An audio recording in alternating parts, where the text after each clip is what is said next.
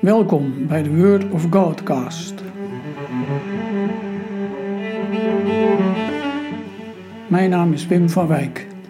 In deze podcast hoor je elke aflevering een meditatie over een Bijbeltekst, afsluitend met een kort gebed. Vandaag over met God verbonden zijn. Mensen kunnen niet onverbonden naast elkaar leven. Het aantal communities op internet is daar een bewijs van.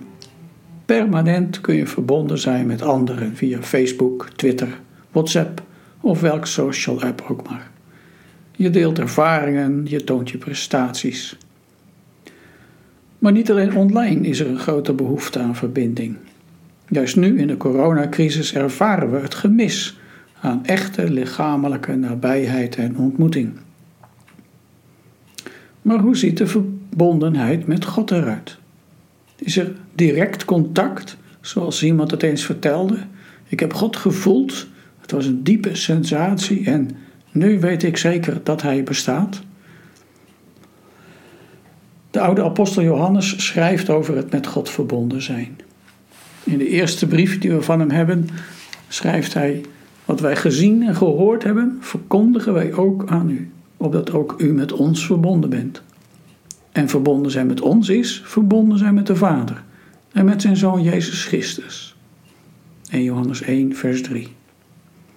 Johannes wil ontzettend graag dat gelovigen leven in verbinding met God. Dat zij in gemeenschap met God leven. Maar waar ontvangen of ervaren zij die gemeenschap? Wat mij hier opvalt is dat Johannes de weg wijst van geloof.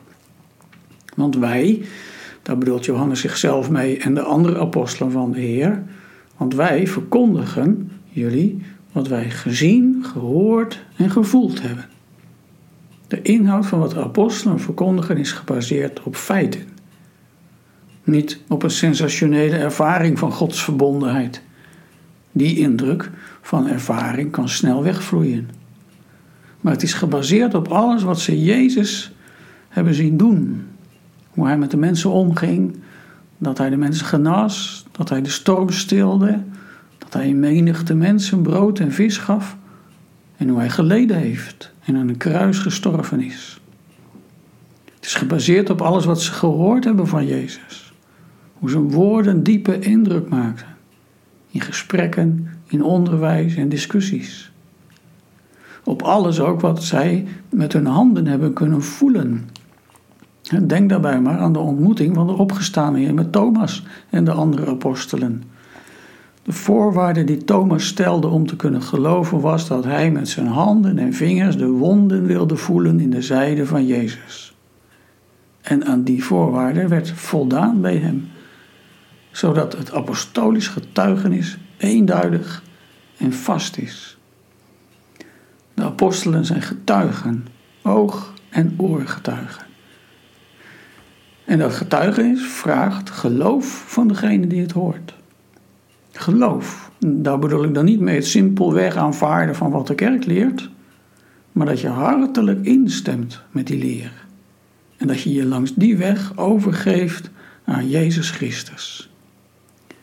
En deze Jezus wordt door Johannes aangeduid als het woord dat leven is, dat bij de Vader was en aan ons verschenen is. De weg om met God contact te hebben en te onderhouden loopt via de verkondiging van de apostelen. Zeker, God is niet gebonden aan deze manier.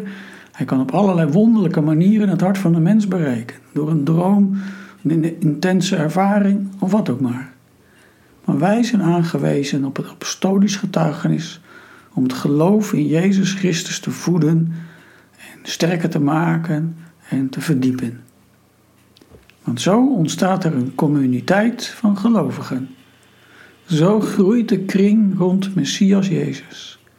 En op deze wijze ben je verbonden met de Vader door de Zoon. Denk eens na over deze vraag. Hoe ziet jouw verbondenheid met God en met Jezus eruit? En wat doe jij om die verbondenheid in stand te houden?